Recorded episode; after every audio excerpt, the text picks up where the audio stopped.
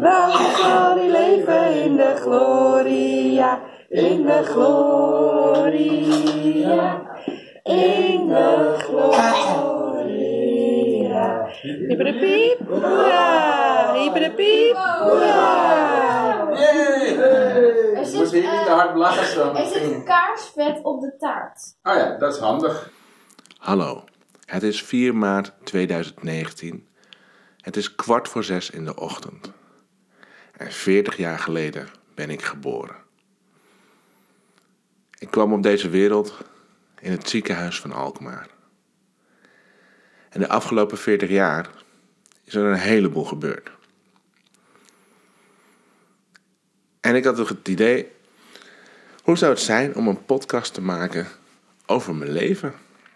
Over dingen die ik mee heb gemaakt. En allerlei zaken die daarmee te maken hebben. Over spelcomputers, over eh, dingen die er gebeurd zijn waar je niet over durft te praten. Ehm, ik zou mijn moeder willen interviewen, of een oom van mij, of vrienden van vroeger. Of eens terug willen gaan naar de buurt waar ik opgegroeid ben, om te kijken of er nog mensen zijn die van de winkel van mijn ouders weten. Of misschien mijn oude school bezoeken. Ik heb er eh, afgelopen jaar een keer een klein onderzoekje aan gewijd. En er is dus niks meer op internet te vinden van mijn oude school. Zelfs de locatie is niet meer aanwezig als je naar Google Maps gaat. Het enige wat er nog is, wat ik van mijn jeugd ken, zijn gebouwen die om mijn school heen gebouwd zijn. En zo wil ik dus een eh, podcast gaan opnemen eh, en mijn nieuwsgierigheid volgen. En dat kan alle kanten op gaan. En daar was ik de afgelopen tijd, afgelopen jaren, naar op zoek. Naar een project waarmee ik alle kanten op kan gaan. En wat toch een gezamenlijke naam heeft. Deze podcast heet 4379. Dat is mijn geboortedatum. En dat zal het centrale begrip of het startpunt zijn van deze podcast. En ik ben benieuwd wat voor dingen jij zou willen weten als jij een podcast zou maken over je eigen leven. Wie zou je interviewen? Welke vragen zou je onderzoeken? Welke dingen zou je delen die je nog nooit hebt gedeeld? Dat is de vraag waar ik mee aan de slag ga in deze podcast. Voor nu denk ik dat ik elke week een podcast op ga nemen. Dus ik mag de komende week aan de slag om voor volgende week een podcast te gaan maken. En dit is de eerste pilot. Nou, pilot kun je het nog niet eens noemen. Ik had bedacht dat het mooi zou zijn om een podcast te beginnen op de tijd dat ik geboren ben. Ik ben inmiddels 40 jaar oud. Ik voel me niet zo. Ik had altijd het idee dat mensen van 40 oud en stoffig waren. Maar er is blijkbaar de afgelopen jaren een hoop veranderd, want ik voel me helemaal niet oud en stoffig. Aan de andere kant heb ik wel een hoop dromen gehad die niet uit zijn gekomen. En waardoor ik dus het idee heb dat ik niet helemaal gelukt ben. Aan de andere kant zijn er ook weer heel veel dingen die ik mee heb gemaakt. En die ik mijn eigen heb gemaakt. Waardoor ik denk van jeetje, wat ben jij gelukt. Ik geloof dat ik inmiddels een mooi mens geworden ben. Of dat al was, maar daar nog niet van overtuigd was. Ehm, ja, dat is het een beetje. Ja. 40 jaar. 40 jaar geleden ben ik dus geboren. In een ziekenhuis in Alkmaar. Mijn ouders hadden een kruidenierszaak.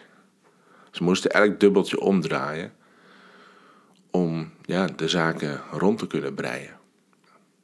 Mijn opa en oma van mijn moeders kant woonden in de Rijp en de opa en oma van mijn vaders kant woonden in Annapolona.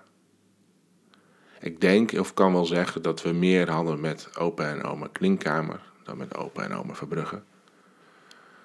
En we gingen dan ook regelmatig naar eh, het huisje op het strand van mijn opa en oma. Toen ik twee maanden oud was, is mijn opa overleden. En gek genoeg heb ik eh, tot denk tien jaar geleden niet geweten dat dat het geval was. Ik had altijd het idee dat ik twee jaar oud was of zo, dat eh, mijn opa was overleden. Maar door een eh, ja, situatie waarin ik me niet zo happy voelde en een coach op ging zoeken, werd ik eh, bewust gemaakt, of in ieder geval, ik werd uitgenodigd om te gaan kijken naar mijn familiesysteem.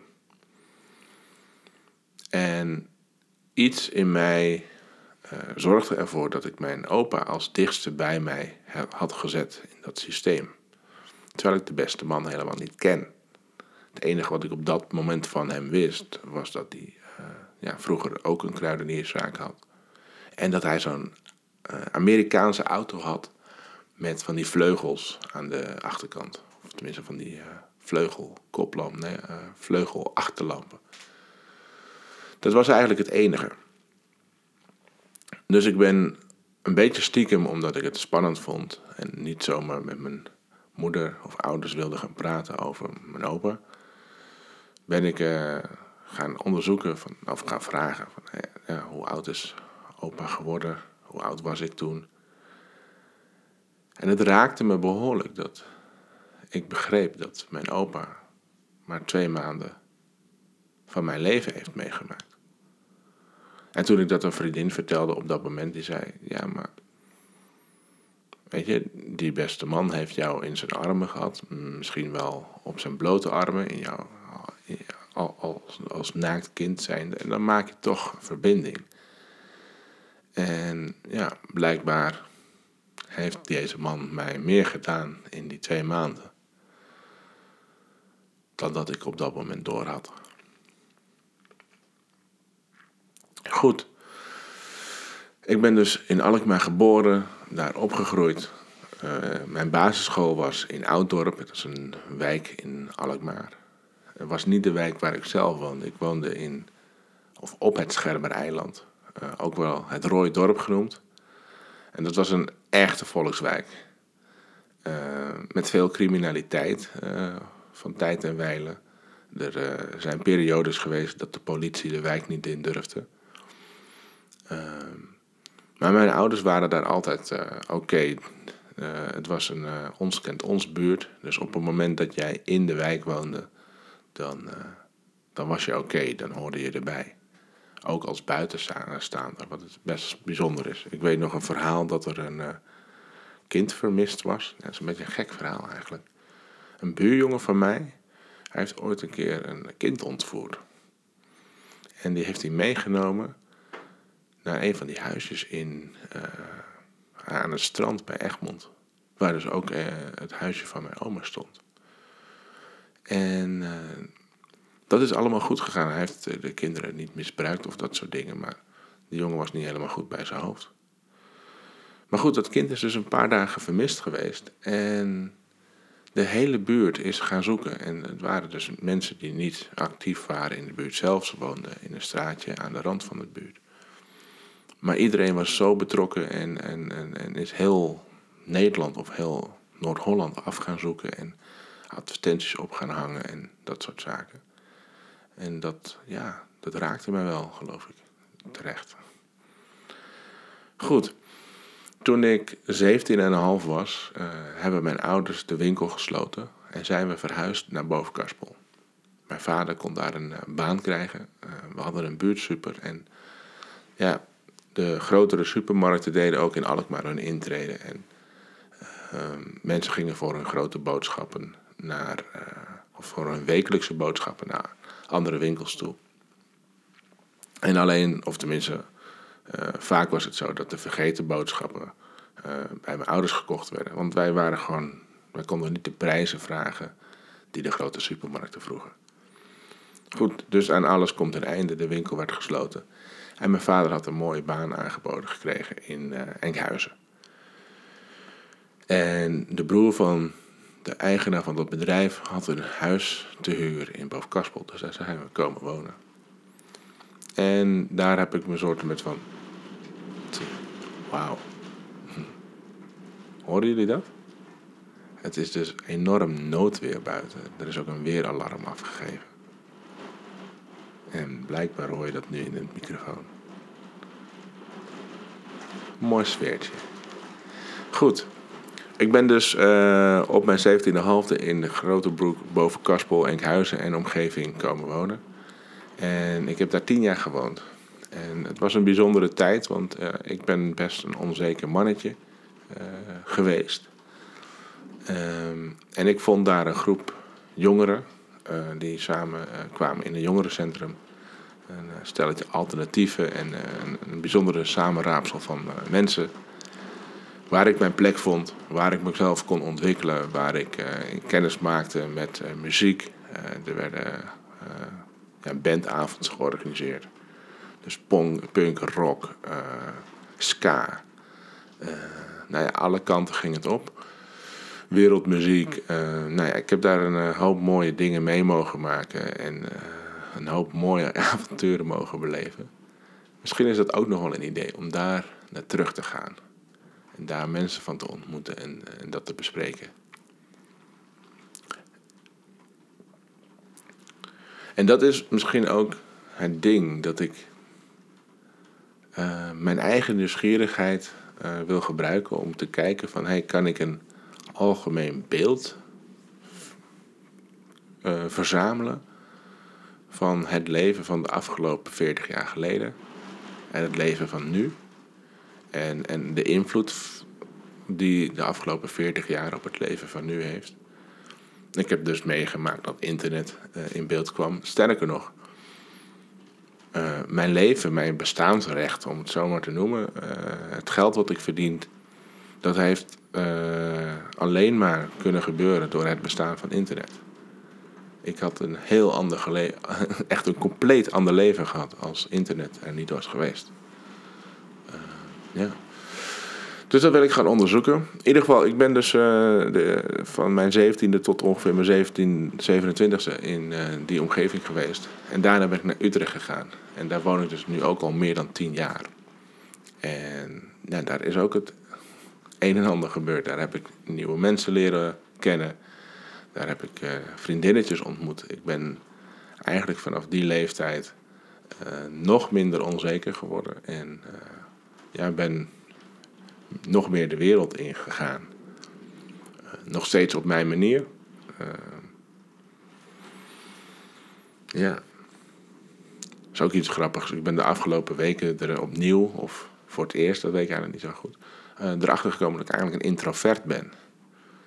En dat ik het dus fijn vind om alleen, te zijn, dat wist ik al. Of dat ik eigenlijk, ik, ik krijg er energie van door in mijn eentje te zijn. Eh, wat ik inmiddels hartstikke oké vind. Maar ik vond het dus vroeger eh, heel leuk en interessant om in eh, ja, drukke plekken te zijn, want daar gebeurde het. Daar was het leven. Ehm, maar het brandde me ook op. En ik werd er moe van en het leverde me geen energie op. Wel plezier, maar geen energie. En gek genoeg, ik kan me een, situatie herinneren dat ik eh, in de kroeg stond en een eh, paar vrienden van mij die zaterdag niet naar de kroeg kwamen. En ik kon me op dat moment niet voorstellen hoe je dat in je hoofd kon halen. en nu ga ik liever eh, thuis op de bank zitten op een zaterdagavond dan dat ik de kroeg induik. Ik vind het nog steeds leuk, maar het is een crowded place. Goed. Ik denk dat ik voor dit moment wel even genoeg gezegd heb. Ehm, ik ga een domeinnaam eh, invulling geven die ik inmiddels al heb. Al een tijdje geloof ik. Dat is 4379.nl. Dat wordt dus ook de naam van de podcast, 4379. Ehm, ik zal een e-mailadres aanmaken. Eh, ja, wat, wat voor e-mailadres zal dat zijn? Ehm podcast.4379.nl Dat lijkt me een goeie. En als je vragen hebt en opmerkingen, dan eh, kun je daar eh, de vragen kwijt. Of ideeën. En eh, ja, we gaan eh, kijken waar dit avontuur eh, belandt. Eh, ik ga voorlopig een, een, een bepaalde serie opnemen en eh, wie weet houdt dat ergens weer op. Maar eh, ja. Ik, eh, ik heb hier wel zin in, geloof ik. Ja. Nou, dit was het. Bedankt voor het luisteren naar de podcast 4379. Eh, een podcast over het leven van de afgelopen 40 jaar en de invloed die het heeft op het nu. Ehm, ik ga mensen interviewen, ik ga verhalen vertellen. Ehm, ik ga dingen onderzoeken, eh, met jou delen. En bedankt voor het luisteren.